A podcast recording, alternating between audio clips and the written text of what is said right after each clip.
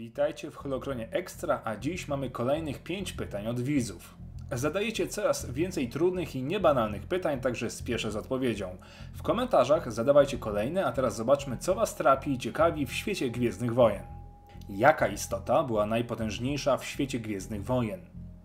Jeżeli spodziewacie się usłyszeć tu o jakimś mistrzu Jedi czy Lordzie Sith, to zapomnijcie. Nawet najpotężniejsi włodarze mocą są niczym przy niektórych istotach. Warto nadmienić tu Waru, międzywymiarową istotę, która mogła dawać i odbierać życie oraz znajdowała się w strefie poza mocą. Sama istota przybyła z własnego uniwersum. Mamy jeszcze niejaką Abelot, która nawet będąc osłabiona była kilkakrotnie bardziej potężna w mocy od Luka Skywalkera. Potrafiła się teleportować, wysysać życie i wiele innych bajerów ale nawet te wszystkie istoty uginają się pod potęgą i możliwościami tzw. Tak duchów Bedlam. Te tajemnicze istoty potrafiły nie tylko przyjmować dowolną formę, ale były praktycznie wszechmocne, dowolnie manipulowały czasem i przestrzenią. Duchów było cztery, a oto ich imiona. Skąd Jedi mieli pieniądze na sfinansowanie Wielkiej Armii Republiki?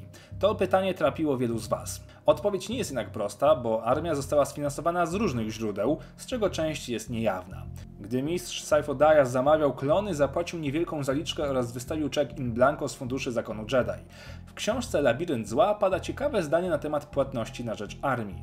Okazuje się, że Lord Tyrannus także dołożył swoje trzy grosze do zasponsorowania armii. Dodatkowo Duku przejął część funduszy od separatystów i przeznaczył je na omawiany cel. Również Palpatine wyciągnął niemałe kwoty z funduszu samej Republiki. Od siebie też zresztą dołożył kredyty, miał bowiem niemałą fortunę jako Lord Sith.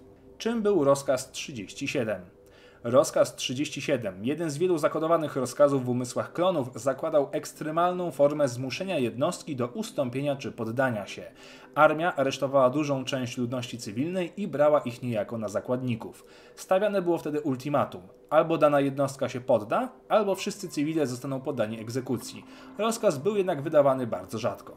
Dlaczego miecz hrabiego Duku miał zakrzywioną rękojeść? Miecz Darth Tyrannosa nie był jedyny w swoim rodzaju, ale był dość rzadko spotykany.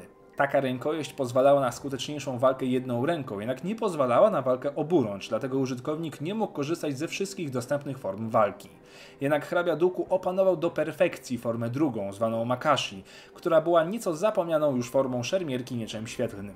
Podobne rękojeści miały miecze Asai Ventress. Ta jednak używała techniki zwanej Jarkai, odpowiednika szóstej formy Niman czy Sithowie mogą mieć żonę albo męża.